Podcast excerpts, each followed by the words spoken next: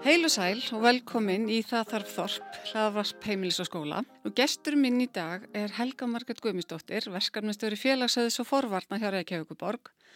Hún er einnig fyrfirandi starfsmæður heimilis og skóla og heil hafsjóra fróðleg þegar kemur að fólöldrastarfi og því vel við hæfi að fána til okkar á þessu 30 ára afmæli, he, afmælis ári heimilis og skóla. Uh, Hvað segir í dag Helga Marget? Velkomin. Já, þakkaði fyrir. Það er bara æðislegt útsýni hérna. Er það ekki? Esjuna og Já, það er alltaf á haustin að þá fer, fer maður svona hálgjana fyrring, sko, þá byrja skólanir og einmitt. kemur svona ný stundarskrá hjá manni og hvaða námskeið ætla maður nú á og Já, en ég er á því tímabili í lífun að ég er að fara að huga starfslokum já, en það er afskaplega einkennilegt svona einkennilegt tímabil að sleppa hendinni á kannski öllu sem maður er búin að vera byggja upp og starfa við og, og berjast fyrir, sko. Ég trúi því vel því að þú hefur nú verið mikill visku brunnur sem að mér og öðrum í þessum geira hefur þótt þægilegt að geta leita til þannig að það verður svo sannarlega sjónasviftur og, og missir að þér af, af þessu sviði, það er engi spurning. En mér langaði þess að byrja á byrjunni. Hvernig kom það til í upphafi að þú fegst þennan áhuga á fóldrastarfu og fósta að koma þér inn í það? Sko það er náttúrulega bara alveg síðan að ég varð foreldri og móðir sjálf. Að ég náttúrulega fór á hvenna fríteginu nýri bæ og við börðumst fyrir meira fæðingarollofi og, og svona þetta, þessi hvenna barátt að hafi rosalega áhrif á mig og það er þetta þegar mæður er að fara út á vinnumarkaðin og við fengum ekki fæðingarollof og, og skólar til dæmis voru þrísetnir og maður þurfti þá að ræða við atvinnureikandan sko hvenar, hvort maður fengi hlutastarf eða er barnið mitt fyrir eftirhátti í skólanum og, og maður fekk ekki leikskólaplási ef maður var giftur og það eru svona margar svona uh, áköll sem að komu til mín sem bara fóriðri Mm -hmm. og ég er alveg upp í Keflavík og kem í, úr mikill í íþróttafjölskyldu og, og hérna og börni mín alltaf stunduð íþróttir og maður fylgdi börnunum alltaf eftir og hérna þar starfaði maður mikið með öðrum fóriðurum og svo í skólanum að þá var nú kannski ekki eins mikill áhuga á fóröldarstarfi eins og í íþróttunum en eh, maður vissi samt að það var mikill ávinningur af því að, að, að fóröldarnir störfuðu saman þar sem börn væri og það hefði áhrif á uppeldiskiliri og það er eiginlega það sem hefur alltaf verið mín hugssjón og það er að vinna að bættum uppeldiskilurum barna. Já, þannig, þannig að við séum með hugsun velferð barnana Mm -hmm. og að einhvern veginn að koma saman Mm -hmm. í kringum það sem er best fyrir þau. Já og svo sem sagt er það þannig að, að ég er sem sagt að vinna í skóla í Keflavík og þar er kennari sem er að vinna handbækur fyrir ISI um fyrirmyndar íþróttafélag Mm -hmm. og, og ég er svo, síðan ráðinn í svona forvarnarverkefni sem heitir Reykjanesbær og réttur róli þar sem var verið að vinna forvarnur svona í kringum það þegar íslenska mótilið er svona að fæðast Og, og hérna við ákveðum það, ég og þessi kennari, að, að, að hérna búa til handbækur fyrir fóröldrafélög. Þannig að það veri alveg á hreinu hvers, hvers ætlast væri til af fóröldurum. Þeir, þeir þurftu ekki að feimnir að stígin í skólan eða og fóröldra að taka þátt í fóröldrasamstarfi og fórum svona að fara í struktúrin, sko, hvernig er skipulægið í skólanum og, og hver, hvaða aðkomi eiga fóröldrar að skólanum og Ég man bara eftir hvað var mikil ofinberum fyrir mig þegar ég bara fór að hlusta á svona fræðslöðrindi og fá, við fengum fræðslöðrindir frá heimil og skóla til dæmis þess að koma sigurittir og þá var verið að tala um þess að verndandi þætti og hvað samstaða fóreldrar skipti miklu máli í forvörnum og, og þegar fóreldrar tækjur sér saman um svona ákveðin mörg sko, svarið við allir hinn er mega það, akkur ekki ég og fórum í svona að gera fóröldarsamninga sem var svona og þessar handbækur sem ég og Jóhann Magnússon unnum að það er hérna, það var gerð handbók fyrir hvern skóla og, og þarna var ný, ný saminað sveitafélag líka. Og þessar handbækur það er sem sagt fá svo fóröldraveljun heimils og skóla. Þannig er mín fyrsta aðkoma eiginlega að heimil og skóla að þessar handbækur vöktu aðtikli og mm -hmm þóttu góð fyrirmynd í fóreldrasamstarfi. Það var bara tilgreint nákvæmlega hver, hver hefur hvaða hlutverk og, og svona hvernig þessi, að reyna að formgera þessa leið sem sagt að rattir fóreldra kæmust á rétta staði og, og þetta er svona mín fyrsta aðkoma þannig að og ég man bara hvað mikið er ofenbyrð þegar ég heyrði hver ávinningurinn er af sko því að fóreldra starfi saman mm -hmm. hverjir eru helst þessir vendandi þættir sem að þetta allt leiti til þess að ég fór svo í háskóla nám í tómstund og félagsmálafræði og þar er mikið, mikið líðræðisfræðsla og Þannig að þetta fannst, ég fannst þetta líka styrkja mér mjög vel í fóröldara hlutverki mínu sem móðir mm -hmm. og okkar hjónana að vera að hitta aðra fóröldara, hitta aðra fóröldara, þekkja aðra fóröldara og þannig að þessi punktar, þessi ávinningur hann svona kemur smátt og smátt inn. Svo verði ég bara alveg heiluð af þessu. Já, þetta er ótrúlega skemmtilegt að mynda að heyra hvernig þetta er algjörlega sjálfsfráttu en það er nú oft svo leiðis með eldhuga að, að þeir eru á kafi í sínum málum en gengur svona kannski misjafla vel að fá aðra að borðinu. Hvernig gekk að fá foreldra Reykjanesbæ að borðinu? Voru ja. þeir tilbúinir í þetta hlutverk að, að koma saman og verja tíma sínum í að, að hitta aðra foreldra og ræða uppeldsmál og og forvarnar hérna mál og, og slíkt. Það var náttúrulega bara alveg rosalega mikil vinna að vinna í þessari vitundavakningu og, mm. og kalla fólk saman að borðinu og ræða saman um hvernig við vildum hafa þetta og aðalega það að kynna ávinningin. Já. Akkur borgar þetta sig að vinna í sjálfbúða vinnu og, og akkur er þetta gott fyrir barni mitt mm -hmm. og uppbyldið skilir því og þetta er náttúrulega að því við erum að tala um þetta þorp Við vorum rosalega upptíkin að þorpinu mm -hmm. sem að væri alupparnið að konan í sjóppinu og íþróttósunu og þú veist bara allir, allir í þorpinu koma að uppeldi barna með einu með öðrum hætti. Mm -hmm. Þetta er á tímum þegar að helstaksskóli er að verða til og fóreldrar jafnvel unnu og reykjákusvæðinu eða utan sín sveitafélag og þeir eru að geta verið öryggir með það að koma barnir í skólan á mótnan klokkan 8 og svo sækja það kannski 4.30 að barni væri í öryggum höndum. Og þannig er að koma heitar máltir inn í skóla, einsettin skóli, heilstagsskóli og þetta frístundastarf, hvaða væri mikilvægt fyrir börn að vera í skipulegu frístundastarfi, að þau tilherðu hópi, að þeim liði vel í skólanum. Og bara þegar maður heyriði það sko að, að bara setja sér í spór bass sem líður ekki vel í skóla og hvað það er ofbáslega erfitt og það er þá síður móttækilegt fyrir því sem er verið að kenna því og líka það að maður átti að segja því að foreldra að samstarf heimil og skóla snýst ekki um lestu, skrift, dönsku og rekning og eitthvað svona. Þetta snýst um bara þetta er samfélag og það að foreldrar þyrtu að vera þáttakendur í þessu samfélagi og röttir þyrtu að heyrast og þyrtu að koma eitthvað starra borðinu og það þyrtu einhvern veginn að koma eh, þeirra sjónamöðum og þeirra hagsmönum inn í einhvern farveg mm -hmm. sem svo gerist með nýju lögunum.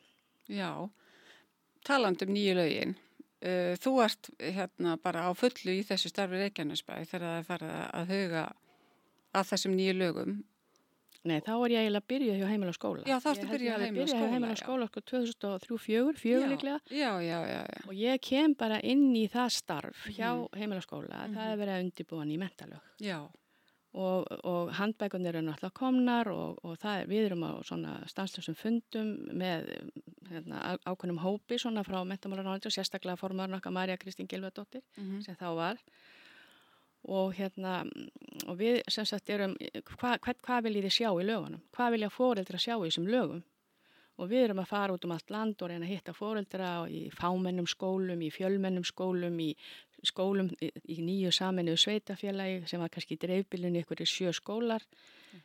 og sem heyrðu þá undir eina skólanemnd. Skólinn, grunnskólinn hafi verið fluttur yfir frá ríki til sveitafélaga þannig að hvert sveitafélag var svona að móta sína skólastefnu og, og það kom náttúrulega alveg fullt af punktum og, og aðtöðasemdum fram frá okkar samtökum við gerði lagana. Mm -hmm.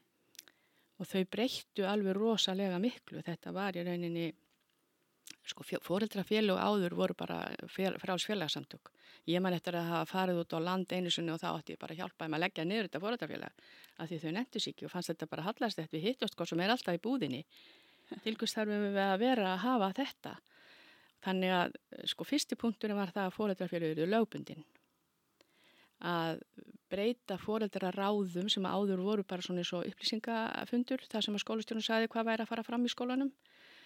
Þetta var í rauninni eh, ekki formlegur vettvangur og, og sko ef að skólastjórin, eh, hann bara hlusta á, á þau og, og þau á hann og, og svo bara gerist ekkert meira með það, það var allavega ekki formlegt ferli mm -hmm.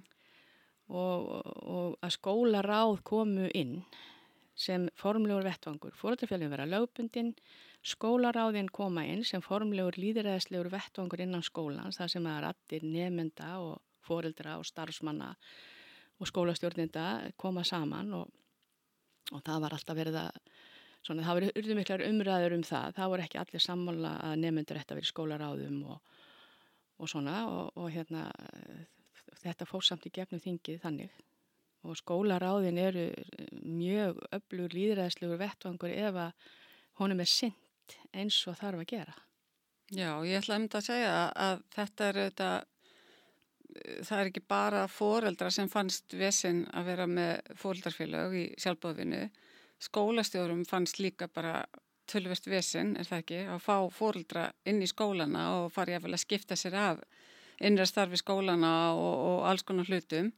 Hva, hvernig upplifir þú það að, að skólastjórnendur tækja á móti þessum nýju lögum og voru þeir tilbúinir í þessa vegferð líka? Já, ég held að margir þeirra sem að voru búin að vera með ofsalega upplugt samstarf við fórættra vissu og þekktu ávinningin og hversu mikil stuðningur það var við skólan að hafa virka fórældra sem að hjálpuðu við að búa til jákvæðan skólabrag og stuttu umsjónakennarana við félagslífi í bekknum og bara jákvæður skólabráður og virkir fóröldrar hafði rosalega mikil áhrif til dæmis bara einelti mm -hmm. og, og þeir, það var eiginlega ekki hægt að taka fóröldrar út fyrir svega þegar að, að það fór að fara mikið meira uppeldi fram í helstaskólanum sko það þurfti að huga því að þau fengju heitan mat og, og, og hérna væri í frístundum og tilherðu hópi sem að og að styrkja skólabrag og svona jákvæðan bekkjar bara og bekkjaranda það er eiginlega ekki hægt að gera það án fóreldra. Mm -hmm. Þannig ég held að margir skólastjóra sem að höfðu fagnað þessu sko, og tekið þessu vel en svo var aftur á móti aðrir sem að, sem að voru svona seinir til og kannski að því þeir áttuðu sig ekki á og höfðu kannski eitthvað slæma reynslu af einhverjum uppákomum fóreldra sem að voru ekki jákvæð. Mm -hmm. En e, það var aðalmáli var að kynna laugin. Sko. Það var nefnilega, það var, laugin voru bara samþýtt á alþingi og síðan það var stort hlutverk hjá heimil og skóla að fara með starfsmönnum úr áðunitinu til dæmis Guðinu Olgesinni og fleirum. Við fórum og frá sambandísleika sveitafélaga Svandísi, við fórum út um allt land að kynna lögin.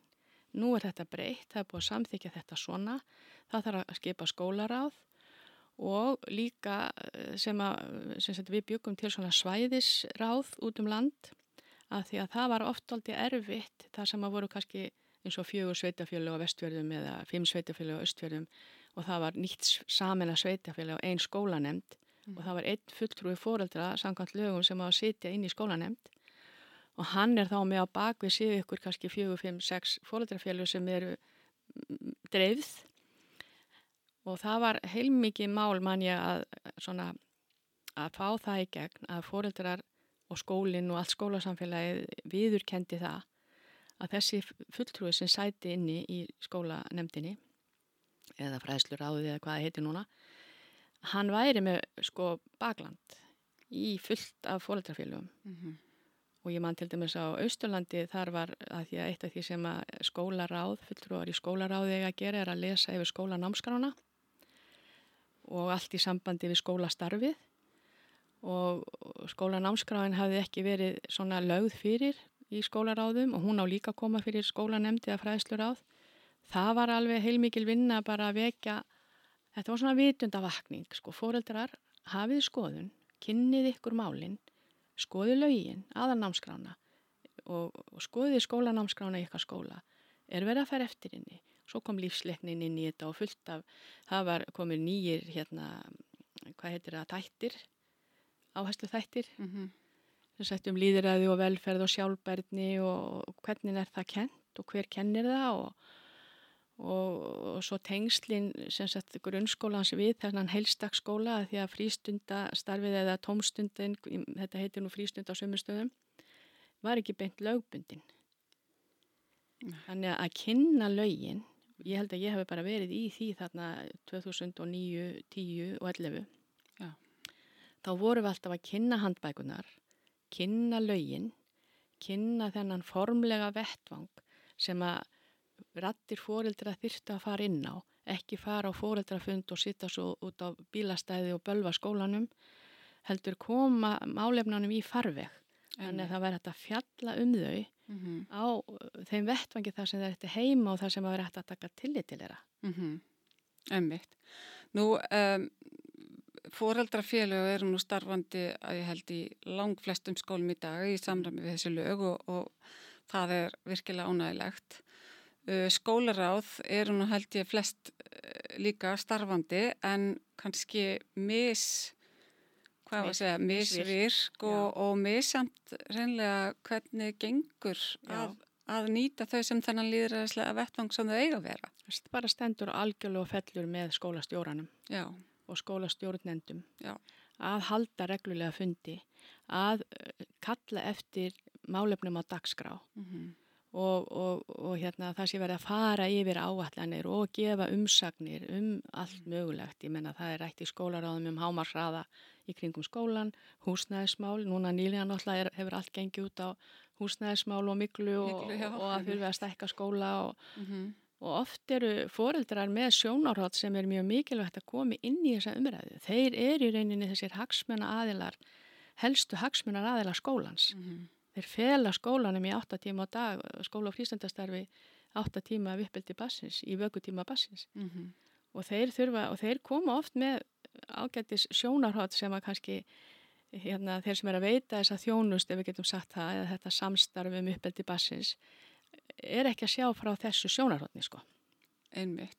Og svo hérna heyri við að kannski nefendur, af því að þið barist fyrir því að nefendur kemur að borði í skólaráðum, en við heyrum daldi af því að, að nefendur kannski upplifast ekki sem hlut af skólaráðinu og, og eru kannski ekki hvorki fá tilskilin undirbúning eða þjálfun eða fræðslu við að taka þátt í svona líðræði nýja eru kannski áverpunægilega skilmerkilega á fundum ráðana. Hvað segir þú? Hvað get, hvað, hvernig getur við laga þetta? Við getum laga það til dæmis að það er í grunnskólum er félagsstarfskennari Mm -hmm. eða ykkur úr, í Reykjavík til dæmis er það ofta ykkur úr frístundinni sem er vinnur með nefndafélaginu og vinnur með nefndaráðinu og, og hjálpar þeim að undibúa mál sem að þurfa að koma inn og svo eru líka fóreldrafélagin fundið að stjórnir fóreldrafélaga fundi reglulega með nefndaráðunum og við heldum nú á sínum tíma ég og þú námskeið fyrir öll nefndaráð í Reykjavík Mm -hmm. og það var alveg ótrúlega öflýr krakkar og, og, og það er alltaf búið að vera eftir að líðræðistátturinn kom inn í, í hérna námskrána Mm -hmm. Að þá er náttúrulega verið að veist, þjálfaðu í því að hafa skoðun og komin að framfæri. Við vorum í samstarfi umbósmann barna líka Einmitt. um svona ákveðin nefndaþing að þau þyrtu að, að krakkar þyrtu svona svolítið að hugsa, þú veist, ekkit um okkur án okkar, Mm -hmm. þó við séum börn og, og svo vorum við svona stundum að hjálpa nefnda, nefndum bara, ég man eftir einu dæmi sem að var í krakkar í fjórðabæk sem vildu frá mínutugrill eða eitthvað svona grill á gangin sem þau voru á og neini það var ekki nokkuð leið, þau myndu brenna sig og þau myndu örgulega skemmita og, og, og það veri alls ekki hægt sko. En að kenna þeim það sko að það er hægt að tala sig nýra á niðurstöðu. Ef að fólk kemur saman eins og í skólaráði, það eru mismunandi hagsmunir þarna, að þegar að kemur upp að maður verði alltaf að hugsa sko hvað er gott og hvað má bæta og þegar að þau koma með eitthvað hugmyndir sem getur verið að bæta eitthvað, Mm -hmm. þá þarf að hlusta á það, Já. taka samtalið, færa þá rauk fyrir því akkur það er ekki hægt og, eða akkur það væri bara kannski möguleiki og, og þetta eru svona þessar líðræðislega aðferði sem að í tómstundafræðinni er mjög uh, mikið fjallaðum og uh, ég held að þetta sé nú bara ennþá svona í, hvað maður að segja, þetta er ekki alveg árið fast í sessi. Nei, þetta er líka svo mikilvægt hérna, þetta með að hafa börnin með því að sko, við meðum ekki gleyma því skólastarfi snýstum börnin. Þetta, við værum ekkert í þessum hlutverkum sagt hérna fóraldrar nema þeirra vegna. Mhm. Þannig að sko ég held að við þurfum stundum að, minna okkur sjálfa á það að, að þetta áast núast um þau, þeirra hagsmunni og þeirra hvað við segja hérna, velferð mm -hmm. og, og við, ef við tölum aldrei við þau og ef við hlustum aldrei á þau að þá, þá er kannski starfið og, og, og samræður okkar fullandafólksins verðan að snúast um eitthvað allt annað heldur en, mhm. heldur en þau kannski hafa þörf fyrir. Akkurat. Svo það sem eitt sem hefur breyst náttúrulega mjög mikið það er þessi námstættir sem að sko það er, núna eru heilsueflandi skólar og það er það er svo góðingum í skólan og öll þessi verkefni sem að bara varða almennt líf, sko velferð og, og allt annað en bara námsbækur og samræmt próf, sko. Og, og að, það er það sem er að taka inn í myndina og, og hérna já, að hlusta á börnin. Nefnda þingur að skemmtilegast það sem ég geri. Já, þau eru svo opinn og þau koma með svo mikið hugmyndum og það þarf að hlusta á nefnendur og hafa vettvangi skólum mm -hmm. það sem þau læra teimisvinnu og læra að skiptast á skoðunum mm. Ég veið mitt veldi fyrir mig svolítið í sambandi við eineltismál mm -hmm. um, hvort að það væri ekki sniðut að kalla krakkana á borðinu til mhm. þess að velta fyrir sér hvernig -hmm. þau geta upprætt, -hmm. upprætt einelt úr skólanum og leifa þeim að taka þátt í og einhvern veginn hafa áhrif og, og ég vil taka einhver ábyrð á því að upprætta einelt í sínum skóla mm -hmm. af því að, að því við fullandar fólki erum kannski ekkit alveg inn í þessum veruleika sem börnum búa við varðandi samskipti og og núna allt þetta áreiti á mhm. netinu og annað slikt þannig að þau eru oft með miklu betri hugmyndur um bæði þau vita hvað er í gangi hvað reyneltið fer fram hvernig það verður til og, og ætti kannski frekar að hlusta á þau þegar það kemur að því að Já, ég hef, sko, mér finnst, mér finnst til dæmis að, að það sem að líka fórættar þurfa að gera sér grein fyrir sem að maður veit þegar maður er ára en amma að, sko, þú ert í leikskólanum þú ert fórættar í leikskóla og þar eru fórættar að fjallum, þú veist, er þín ertu búin að venja hann á snuði og, og allt þetta og er hann hættur að bleiðu og, og fór þetta að ræða sín í milli, mm -hmm. alls konar hluti. Já, minn er nú svona, já og svo er minn hann er nú svona. Svo kemur batni í grunnskóla og þá einhvern veginn þurfa fólkdrar að vita að fólkdrarstarfi fjallar aðeins um aðra hluti. Það er meira sem sett um það að vera skólafóreldri mm -hmm. og líka að batni verði grunnskólanemandi. Og ég var mitt lítið barnabarn núna sem var að byrja í skóla og svo gaman að tala við hann um það hvað er að vera í skóla. Og eiga vini og virða kennarann og, og hlusta vel á kennarann og, og, og geta að fara sjálfur á klósett í skólanum og alls konar svona og fyrstið til fjóriði bekkur fer svolítið í þetta að vera vinir og hérna og fóreldrarnir að læra að vera fóreldrar og þess vegna er svo mikilvægt að fóreldrar innan hvers bekkjar deildar hittist Emme. og skoði vina tengsl innan bekkjarins og þekki aðra fólkdra. Það er bara líka latir í fórvöldum að fólkdra tali saman, hittist og þekkist og ræði mál sín á milli mm. um, um svona eh, hvernig samfélag er í bekknum og styðji kennaran Já. við ímislegt og þegar að það gerist þá eh, sagt, er yfirleitt, það er mikil fórvöld gegn einelti. Já. Ega allir vini í bekknum, erum við með vinahópa mm -hmm. og hvernig tekst okkur til innan þessa bekkjar og þegar umsjónakennari og bekkjafulltrúar hjálpast að við þetta, þá er það svo góðu forverð. Svo breytist nýmislegt þegar barni kemur í 15. til 7. bekk og þá breytist fóröldarsamstarfi líka. Þá koma fleiri fög inn í, þú ert ekki eins mikið hjá umsjónakennaranum og þá eru frístundastarfið og, og, hérna, og hverjir innan þessa bekkjar til dæmis stund engar frístundir og til er engum hópi. Og það er öll börn vilja það að allir séu vinir í bekknum. Mm. öll börn vilja að öllum líði vel. Þau finna samkend mjög snemma. Og svo koma unglingsárun og þá breytist aftur fóreldrastarfið Já, einmitt. Og svo er auðvitað bara alls konar skipula í skólum og, og ég man á eftir þegar það var breytt úr því að hafa ja, einn bekk sem umsjónabekk yfir það allt inn var ein, allur árgangurinn einn bekkur og, og við fóreldra sem hefum byggt upp sagt, hérna, mjög öflugt fóreldrastarfi í einstökum bekkjum og vorum í góðum samskiptum hver, við hvert annað. Við vorum alltaf einu hluti af sko, hópi 60 fóreldra í staðin fyrir 20 mm. og hérna, það eru líka áskoranir. Hvernig ætlar þú að halda ammali fyrir 60 börn? Já, akkurat. Hvernig ætlar að, að hérna, tekla þetta allt og, og þetta er Þetta er auðvitað bara áframhaldandi umræða sem við þurfum að velta fyrir okkur. Að ég er að spá í þetta sem þú segir með að, hérna, að fóreldrar þurfa að þekkjast og, og til þess að halda utanum bekkinu og annað slíkt og, mm. og það er alveg punktur því sem að ég voru verið við að er mjög góður og það er að ef það koma upp ykkur erfið samskiptamál eða önnu ágreiningsmál í bekkjum, millibatna eða eitthvað slíkt þá er svo miklu auðveldara og einfaldara að leysa þau mm -hmm. ef að einmitt fóröldrarnir þekkjast og hafa að tala saman áður mm -hmm af því að þá þarf ekki alltaf að vera með skólan sem millilið í þeim samskiptum Akkurat. og lausnum. Akkurat. Því að það er einhvern veginn svolítið alvarlegt mm. ef að þú ringir í kennaran eða í skólistöndar og segir, heyrðu, bara barni mitt hérna lendi hérna í slagsmálum út á lóði í, dag mm -hmm. og bara gerði eitthvað í þessu og svo fyrir skólinn að stað og hefur samband við hitt fólki.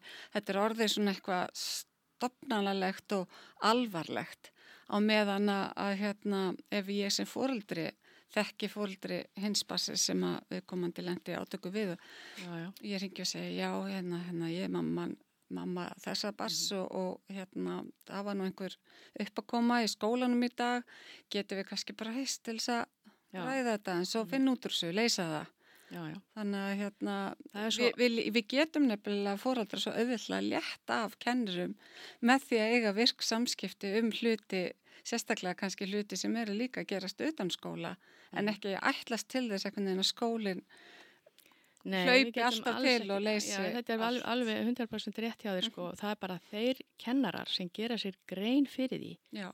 og fatta það og hafa fundið það hvað mikill ávinningur af því að mm. fóröldar innan bekkjani sé að hittast og þekkjast. Einmitt.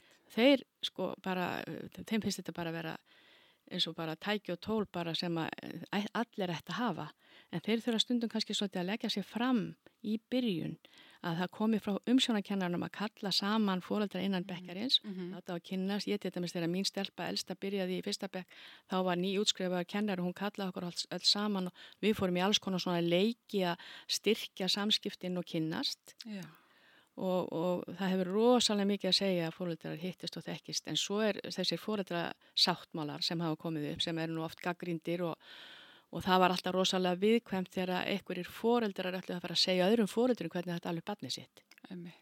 Og þessi umræða var bara, hvað heldur hún eiginlega hún sé? Alltaf hún að fara að segja mér eitthvað hérna, ég sé sko um mig og mína. Einmitt. Ég þarf ekki að taka þátt inn innu svona, það eru bara skussallir sem aldrei mæta á fund sem ætta að mæta hérna. þetta var svona umræða. Já. En, en, en þegar, það kom aft í ljós að þegar bara fóreldrar hittust innan bekkjar og jafnvel námsrákjafinn eða skólahjókunafræðingun, svona eftir því um hvað þetta snýrist, satt bara fundin og var bara svona eins og fundastjóri eða svona helt umræðinni á ákveðnu plani sko. Svo mikilvægt að umsjónakennarinn sé líka með í því þegar fólkdandir er að hittast. Já. Og hérna það, að því að það kom mjög oft upp að sko einhver aðvik utan skólans, jáfnvel í íþróttaferðalagi eða bara einhverju fjölskyldu móti, frænga eða eitthvað í bekknum sko að rætur eh, hérna ósaminkomulagsins eða jafnvel eineltisins eða útilokurinn hennar rætuna voru langt fyrir utan skólan en þær byrtust og byrtingamindin kom upp í skólanum. Og, og hérna þetta er eiliðamál sko Já, það er engin spurning. Ég er að velta fyrir mér, um, við höfum aðeins hert af því, bara reynilega í, í viðtölum og ofinbæri umræðu eh, fórstu manna kennara og, og bara eh, reynlega hjá ákveðnum skólastjórum og ákveðnum kennurum að foreldrar séu bara uh, álagsvaldur á kennara, eitt mesti álagsvaldur í þeirra starfi. Uh, ég verið aðeins hugsi yfir þessar umræðum, ég veist þetta ekki sérstaklega svona uppbyggilegt mm -hmm. að hlusta á það að foreldrar séu bara með vesin. Mm -hmm. En auðvitað vitum við það að það er alveg fólkdrar sem eru með vesin. Já, já, það, það eru fólkdrar sem eru með vesin. Það er bara þannig, en, en það kannski, um, það er kannski ekki frekar en bara í öðrum hópum hægt að refsa öllum fyrir einhverju örfáa sem kannski kunni ekki og, nei, nei.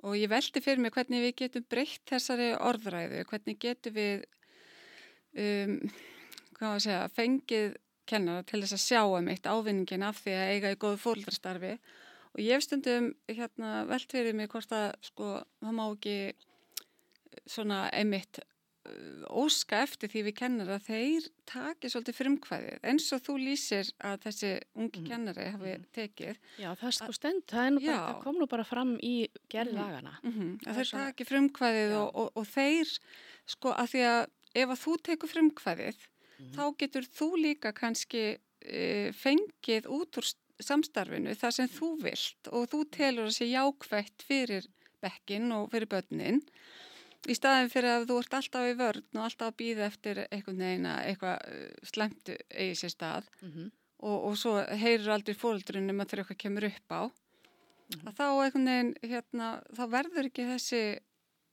samkend uh, fóreldra og Ég held að samstæða það þurfa að bæta svolítið inn í kennaranámið þarna. Þarna þarf að virkilega bæta inn í kennaranámið. Já, Og síðan eh, sko, sk- að útskýra skilning lagana, útskýra nýju aðalnámskrána, útskýra kaplan um samstarf skólans við heimilinn, útskýra það af hverju var sett inn klausa um hlutverk umsjónakennara mhm, og af hverju er bara fyrsta greinin í allir aðalnámskráni að, að foreldrar eru hluti af skólasamfélaginu og samstarfið þarf að byggjast á gagkvæmiri virðingu, upplýsingamiðlun og, og, hvað þetta nú allt er mhm, og það, fólk þarf að vanda sig það þarf að vanda sig við þetta og hugsa þetta ekki sem vandamál heldur að vanda sig að mhm. kennarin, hvernig hann kynnist fóruldrónum fyrst, hvernig hann presentera sig til hvers hann ætlast að fóruldrum. Fóruldrar þurfa virkilega að vita það Já. og svo þurfa fóruldrar bara að fá svo alltaf svona leiðbenningar eins og tala Mhm. alltaf jákvætt um skólan. Það er öllum fyrir bestu mhm, að vera ekki að sko vanda sig þegar þau tala líka þegar það sem börnin heyra og, og, og, og, vera fyrirmyndir í samskiptum að fóreldrar séu fyrirmyndir í samskiptum. Og, og hérna ég vann í skóla sem skólarítar á sínum tíma sko, maður kom þannig að kom fóreldrar alveg æfa reyður öskru og görguðu yfir allt og bara bölviðu kennaranum í sand og ösku og svo stóð bara allur bekkur bassins á bak við mannin og hlustaði á. Já, en það þarf að benda fóreldrum á svona. Mhm, og það þarf að styrkja þá og fræða þá og kenna þeim en ekki alltaf kenna þeim um en Já, og set, auðvitað þarf að setja mörg í þessum samskiptum og Mhm. það er kannski, það geruru í samtali, sko, Mhm. og hérna, en þú gerir það ekki þegar þú ert orðin sem kennari rosa pyrraðar á öllum þessum ágangi fóldur sem viljað og segir, eh, segir einhverju barni að það megi fara heim með þessum í dag eitthvað leis. Þú setur einhvern veginn ekki mörgin eftir á þegar, allir orðin er eitthvað pyrraðar og reyðir. kennarar þurfa að fá bara Já, það þarf að einhvern veginn að ræða það, hvernig ætlum við að hafa samskiptin, hvernig getur við náði í mig sem kennara, hvernig er ræðilegt að þú megi búast við svörum frá mér Akkurat. og allt þetta, þannig að allir viti Mhm. hvað er uh, framundan uh, og, og, hva, og hvað, hvernig samskiptin eiga og mega vera. Til dæmis varu, að ég man eftir því þegar ég var hérna nýbyrja hjá heimilaskóla, þá voru skólafærni námskeið út í skólum. Mm -hmm. Þar sem að fóreldrar í fyrsta bekk og þar voru þá alltaf umsjónakennararnir líka komu þar sem að var bara farið yfir þessi mál. Já. Og að þurfti að rata um skólan og þeir þurfti að vita hvað er, hvað, eins og þú, þú veist að segja, hvernig það mættu hafa sambandi um umsjónakennarar út af hverju. Þeir voru yfirleitt með vitast í meinu sinni í viku og svona og svo var bara farið yfir. Svona er ætlast þess að samskiptin séu, við þurfum að vanda okkur og það hvernig skólastjóri presenterar þetta bara á skólasetningunni þar sem hann útskýrir og það sitja líka kennarar Mm -hmm. og ég held að ég veit um nokkra skólastjóra sem að hreinlega bara fara yfir þetta Já, með kennurum að, að, þetta á ekki að vera allir í vörð Nei, ég held að þetta sé ótrúlega mikilvægt og ég held að, Samvinnan er bara, Já. hún skiptir svo miklu máli að því að hún, það er svo mikill ávinningur en afvinni bara ef ég væri skólastjóra og ætla að fara að byggja upp hérna góðan skólabrag mm þá myndi ég gera allt sem ég gæti til að umsjónakennara myndi hitta fóreldra innan bekkanis, ekki bara á einhverju námsefniskynningu í hálftíma hösti, -hmm. heldur myndi byggja það upp og styðja kennaran í því hvernig hann getur borið sér að Já, við að kynnast fóreldrum. Já. Ekki þannig að hann sé onni hversmanns koppi í þessum bekk og bara, þú veist, allir sem eiga kolpa eða kettlinga í bekknu sé að koma heim til hans og sína kolpan og kettlingana skiluru. nei, Þetta er nei, það sem þeir eru rættir við. Já, já, Hvað á ég að fara langt í því að gera fóreldrarna vinnu mínum? einmitt. Þetta eru bara samstarfsaðilar Mm um uppeldi batna Já. með sameilegt markmið að ná fram því besta sem í batninu býr og að því líði vel, það séu jákvæðu umhverfi, það séu jákvæðu viðþór kennara og fóreldra á milli og þetta horfi börnin á. Jákvæð samskipti, þau læra jákvæð samskipti og virðingu fyrir fólki. Þegar að, þegar að svona kannski þú ert að byrja þess, á þessari vegferð að þá, e, já, er farið að hérna, tala um þetta félagsstarf og það eru bekkerkvöld og ég man eftir því þegar ég var krakki að þá, var, þá voru foreldrar með á þessum, hérna, nei fyrir ekki kennarar voru með, umsónakennarar mættu með. Og, og þegar ég var að kenna eh, sjálf fyrir allt og lengur síðan, Já. að þá hérna var þetta líka þannig að það var eitt bekkerkvöldu önn þar sem maður mætti og var með krokkunum uh, og fóldrunum mm -hmm.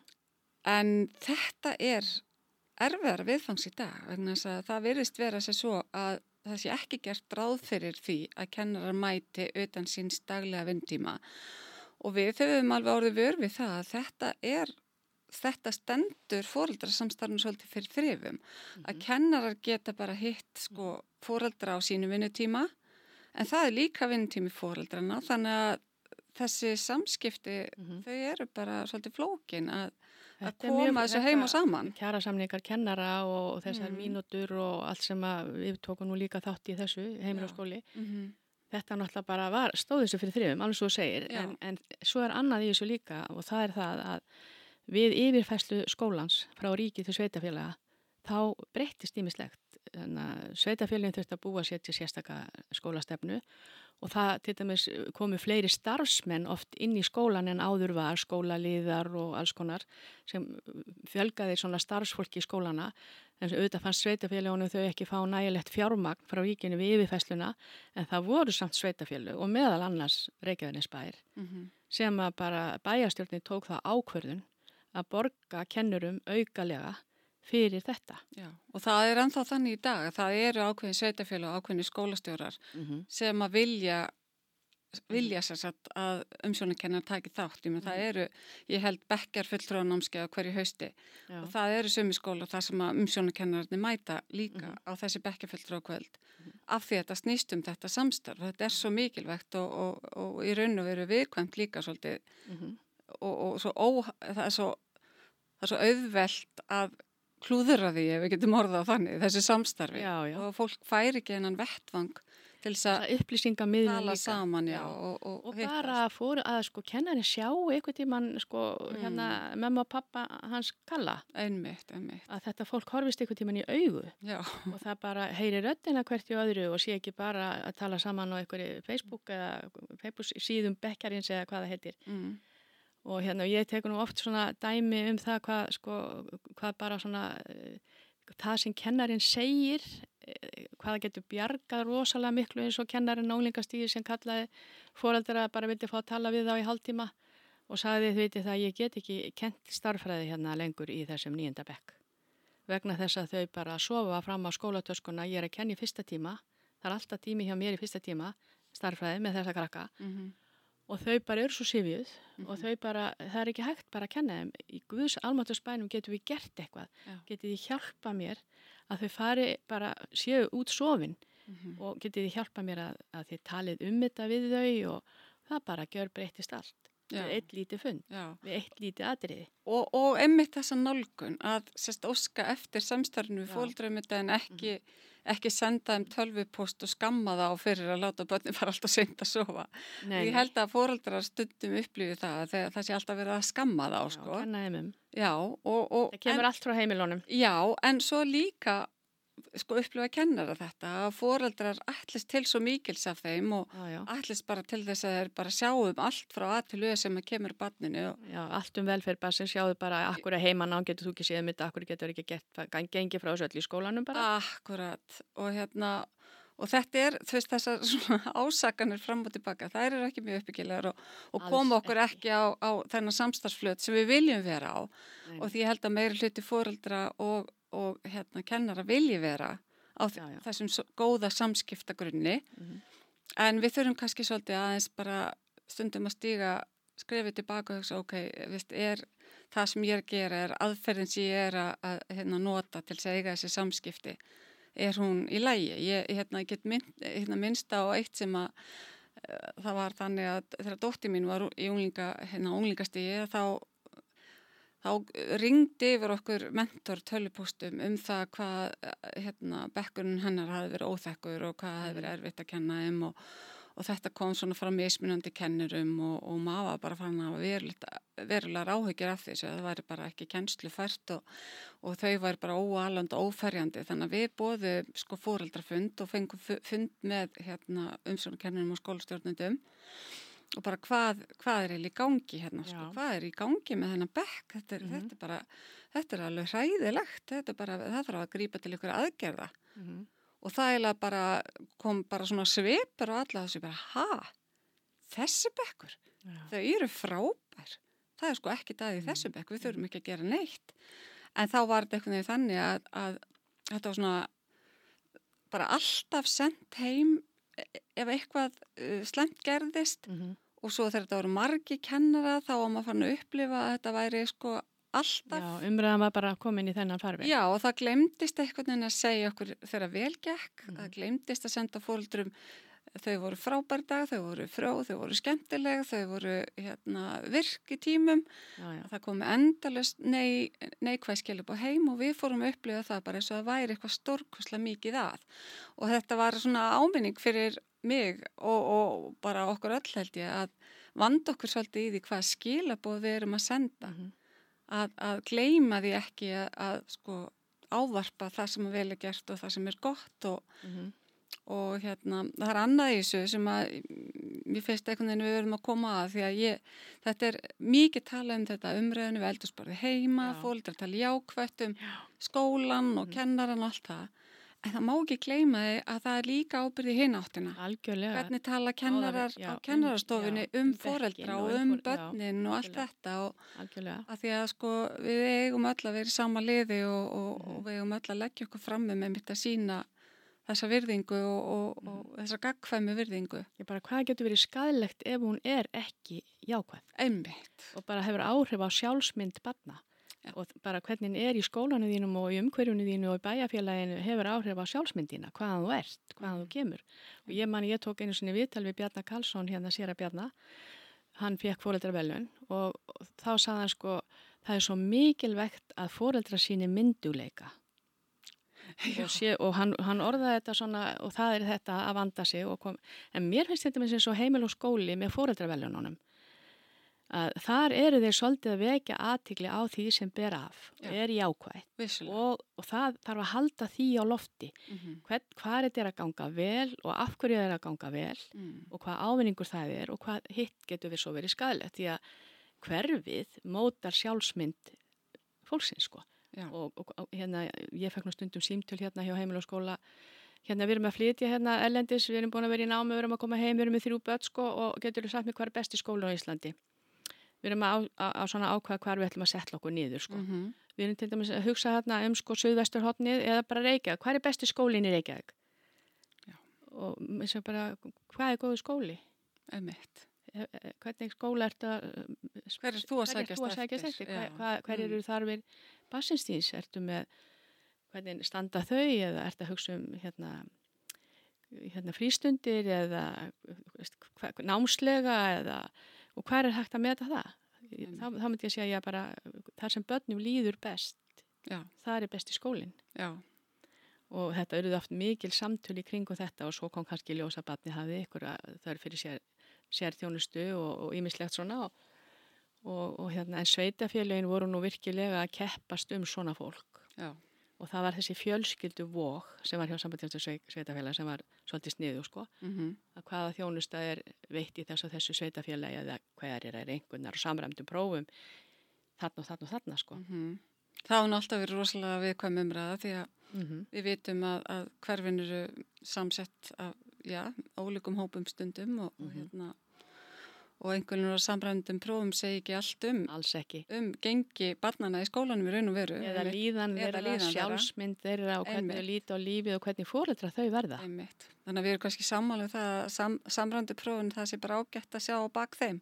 Já, þau eiga bara heimili inn í skólanum held ég fyrir skólan að skoða Akkurat. sig. En þetta er einmitt núna bara í gær heyrði ég umræðið um þetta því að það á að fara að setja þau á aftur samrændu prófin. Já, ok og þá kom þessi umræða sko að það væri nú ekki heppilegt eða gott sko að fólk væri neitt að bera saman eða, Mm -hmm. eða og það ætti náttúrulega kannski bara heima inn í skólanum fyrir eh, sko kennara að skoða Mm -hmm. kennslaðaferðir og námsárangur og, og svona þetta voru orðin sko var orðin svona próstinn eða hvað segir maður engöngu miði í framhaldsskóla og alls konar sko Já, núna hefur náttúrulega hafa samt framhaldsskólanir uh, tekið inn án þess að horfa til samnöndabróða í svolítinn tíma og ég man eftir þegar ég var að vinna hjá Samfók, samtökum grunnskólabarni Reykjavík, fóreldra grunnskólabarni Reykjavík, að þá heldum við fundi, ertu klár Mhm. og vorum að velta fyrir okkur hvort að uh, allir væru klárir í þessa hvað við segja, nýju enguna gjöf sem var þá ABS Já, og D og allt þetta og hæfni við miðinn og, Mhm. og, og slíkt og, og, það fólk hafði miklar ágjur að því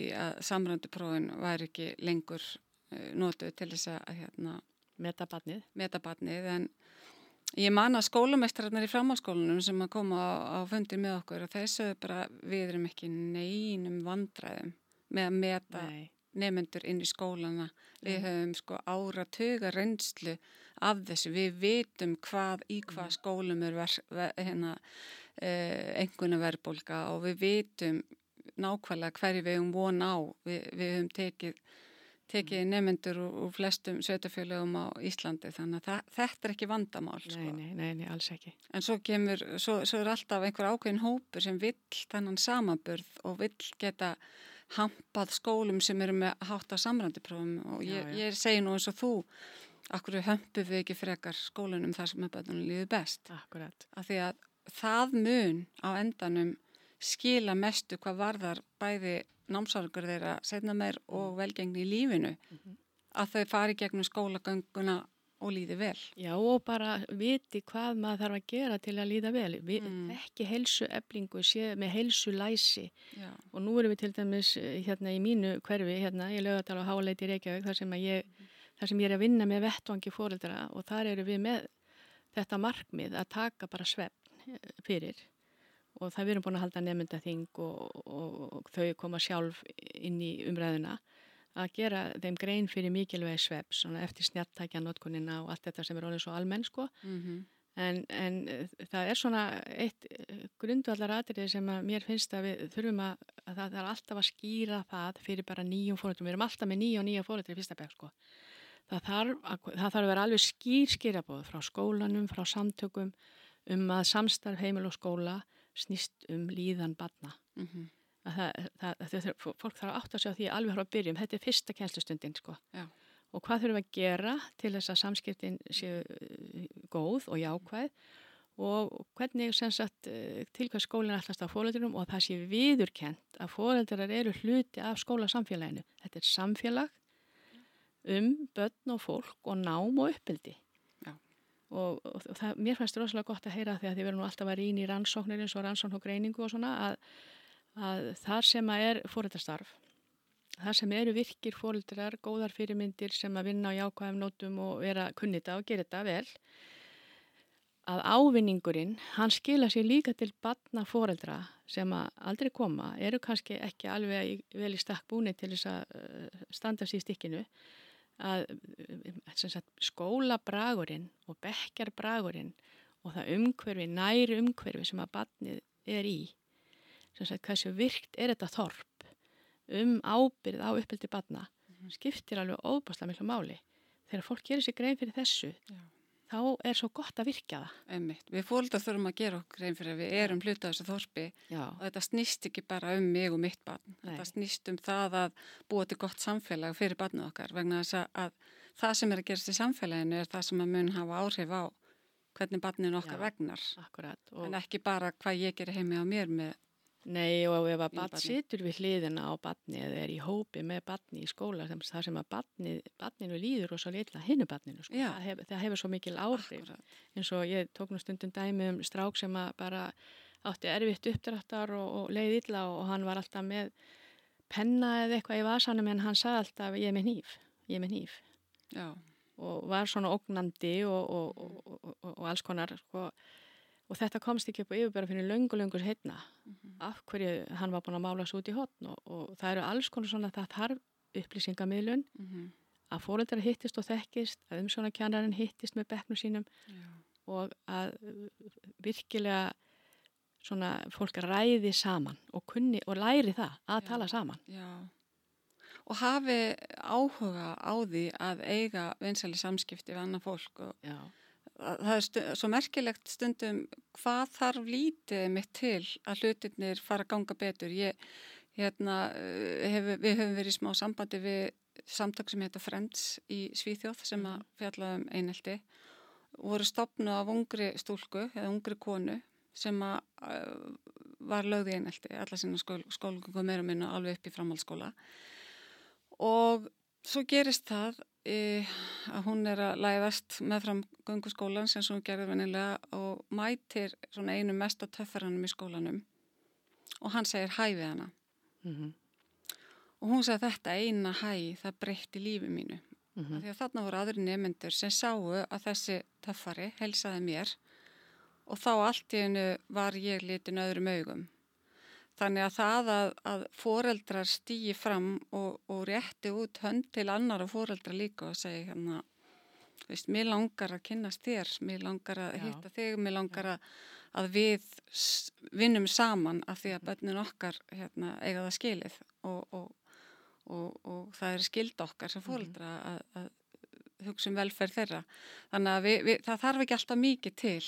Nei, þessan er þess að breyta málum. en, en svo er annað bara sem ég dettur í hjónuna sko, þetta skeitaform. Mm, sem að er þegar að samskiptin fara bara fram já, sem sagt í einhverjum Facebook síðum eða bekkja síðum eða Einmitt. mentor eða Já. þessi skeita sending og þú kannski hefur aldrei séð mm hinn að foreldrana og, og það getur verið svo miskilið margt sem er sagt svona. Já, og þess vegna voru við til dæmis það sem ég er að starfa með fóröldrafélagunum þá voru búinar til ákvæmna siðareglur og samskiptareglur um samskiptin svona á netinu.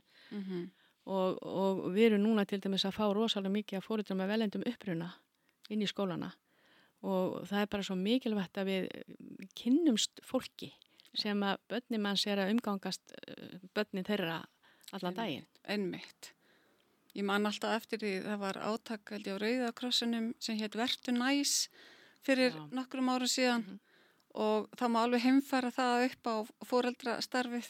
Ég man eftir því að ég held að verið í laugalenskóla þar sem að það sem að var gert svona átaki að reyna að virkja hérna, fóreldra elundum uppruna inn og, og fólkið sérst í sérst fóreldrarnir í bekkinu voru farnir bara hreinlega að banka upp á hjá þeim og bjóða þeim hérna það er fundur, Já, veist, annarkvöld þessi lifandi bóðskort sem fóreldra geta verið. einmitt og, og bara hérna má bjóða þér hérna, til ég lappa með þér Mhm. og pi- pikkaðu upp þegar ég er á leiðinni og ég lappa við hjá þér Mhm. fylgja þér á fundin og bara svona einmitt hérna vinsamleg eh, eitthvað verður næs, þetta er bara þú veist, Já, legði eitthvað að mörgum um, láttu þér ekki vera sama. lá, já, láttu þið varða, Já.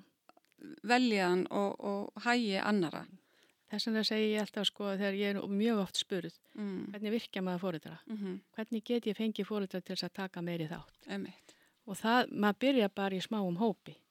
Já. Maður byrja með því að styðja við fóreldrastarfið inn í skólanum Mhm. eins og það er, eins og að það sé kosin stjórn í fóreldrafélaginu og hitta kannski stjórnum og fara yfir málinn, mm -hmm. hvað, hvert er hlutverk fóreldrafélaga, hvernig geta þau starfað. Mhm. Og mér finnst upplögasti vettvangurinn vera þegar að nokkur fóreldrafélag, stjórnir nokkura fóreldrafélaga hittast og bera svona saman bæku sínar. Hérna, hvernig er þetta hjá ykkur? Ég meina, eru skólarásfundir haldið reglulega? Eru þið með líkil á skólanum? Fundið innan skólans? Hérna, hittir um svona kjannar ykkur tíman og þau svona bera sér saman. Bara, hvert er hlutverk bekka fulltrúa hjá ykkur? Hittið þið þá oft og, og þessi vettvangur, það sem að bara stjórnir fóreldrafélaga að koma saman einmitt og fá þá svona upplýsingar um hvað er í gangi og hvað er helst núna sem að við getum beitt okkur að. Ég er, að ég er svo forvarnar miðuð alltaf einmitt og það að vera með virka foreldra er rosalega forvörn og þetta íslenska mótel hefði aldrei komið svona út ef að foreldrar hefði ekki bara tekið boltan mm -hmm. og, og farið og, og gert hlutina. Einmitt. Og þess vegna þetta foreldraþorp sem að heitir þessi vettvangur sem ég starfa núna með ég var bara mjög erfitt með að sleppa hendin af þeim sko, Já, núna þegar ég hætti að vinna, að það er svo öflugur vettvangur vegna þess að það er alveg ákveði skipulag að þau sita tvei ár, tveir fulltúrar frá hverju fóröldarfélagi og fleiri ef að, þar þurfum við alltaf að koma með eftirmenn sína. Já, Sko, þannig að það er dettur aldrei út og það þarf alltaf að koma frá öllum skólum á fundi sem við hittumst einu sinni í mánuði. Já. og það er bara farið yfir hvaða fræðslu þurfum við að vera með í vetur og, og ef eitt skóli til dæmis eins og það hefur komið fyrir okkur eitt skóli bara allt í hennu var algjört logn og bara engin leið að fá fólk í stjórn í fóröldarfélaginu að þá hjálpuðu hinir til þekktu kannski ykkur að fóreldra í þessum skóla Mhm. og sögðu það er bara svo magnað að vera að gera þetta, að starfa saman og það er svo mikill ávinningur að því því megið til með að endilega vill ekki bjóða það fram Mhm.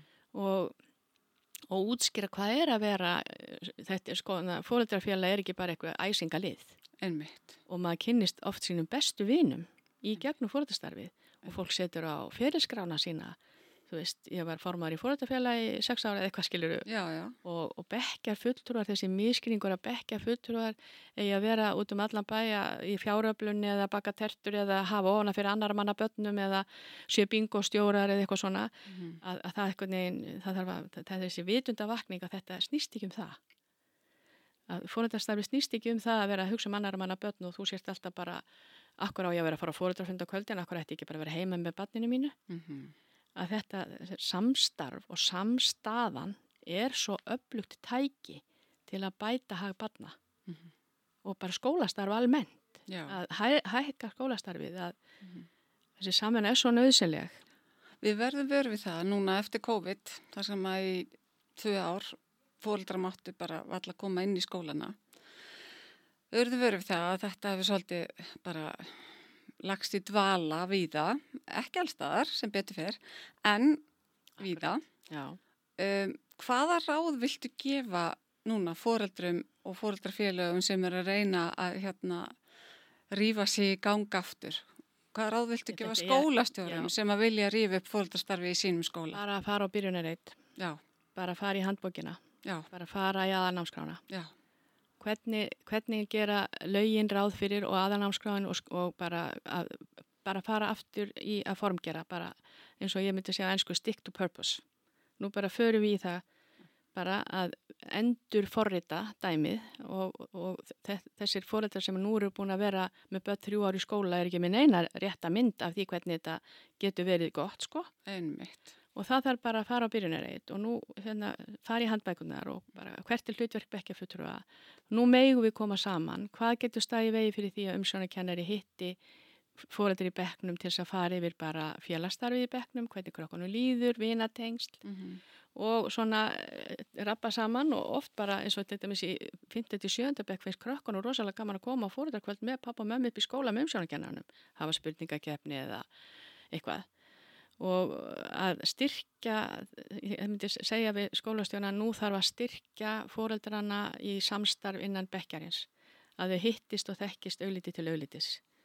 Ég held að það sé rosalega mikið, en ég eftir á móti er búin að vera núna á fundum með forvarnafulltrum í framhaldsskólum og, og hérna styrtings framhaldsskólans hafði nú heilmikið að segja og það er rosalegur fyrringur í unglingum í dag. -hmm.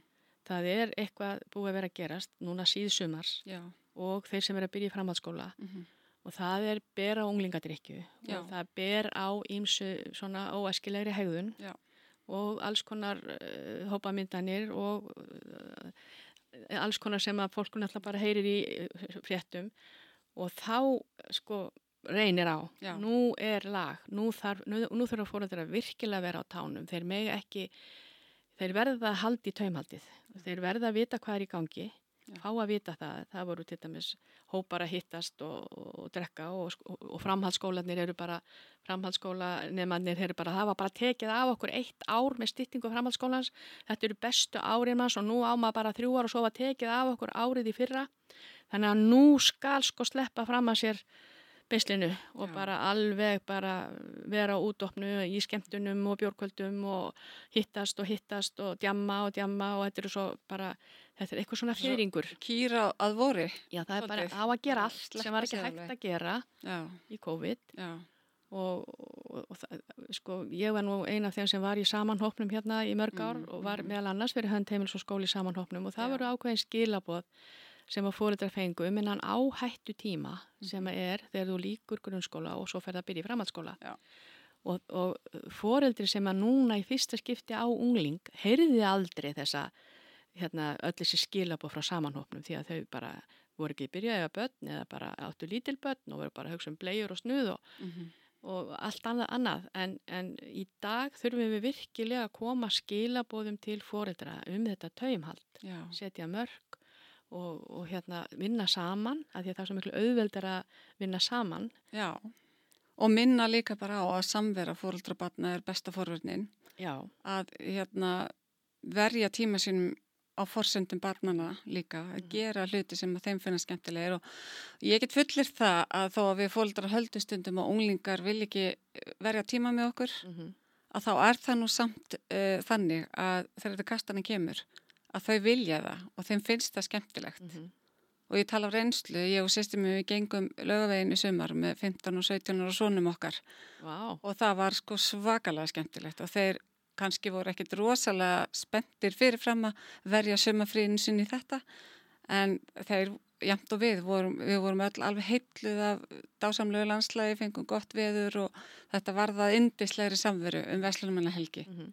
Og hefði hún einhverjum úlingar mögulega talið sem þurfa að verja tímanum í eitthvað annað heldur en að lappa með mömmu sínum í lögu Fóröldar þurfa að heyra bara af svona dæmum og heyra já, af mm. því þegar fóröldar taka sér saman og gera eitthvað skemmtilegt með börnunum sínum. Já, einmitt. Og það því að við sko við þurfum að ná til fóröldara með ákveðin skilabóð, þeir fæðast ekki með þessa vittnesku og þeir læra það ekki í skóla. Nei og mér er alltaf svo leðilegt þetta dæmi sem fólk tökur sko ef þú átt eignast hund þá fara hundan á sig og veist alltaf hvað fæðan þarf að borða og hvernig hann er og allt. Já, já.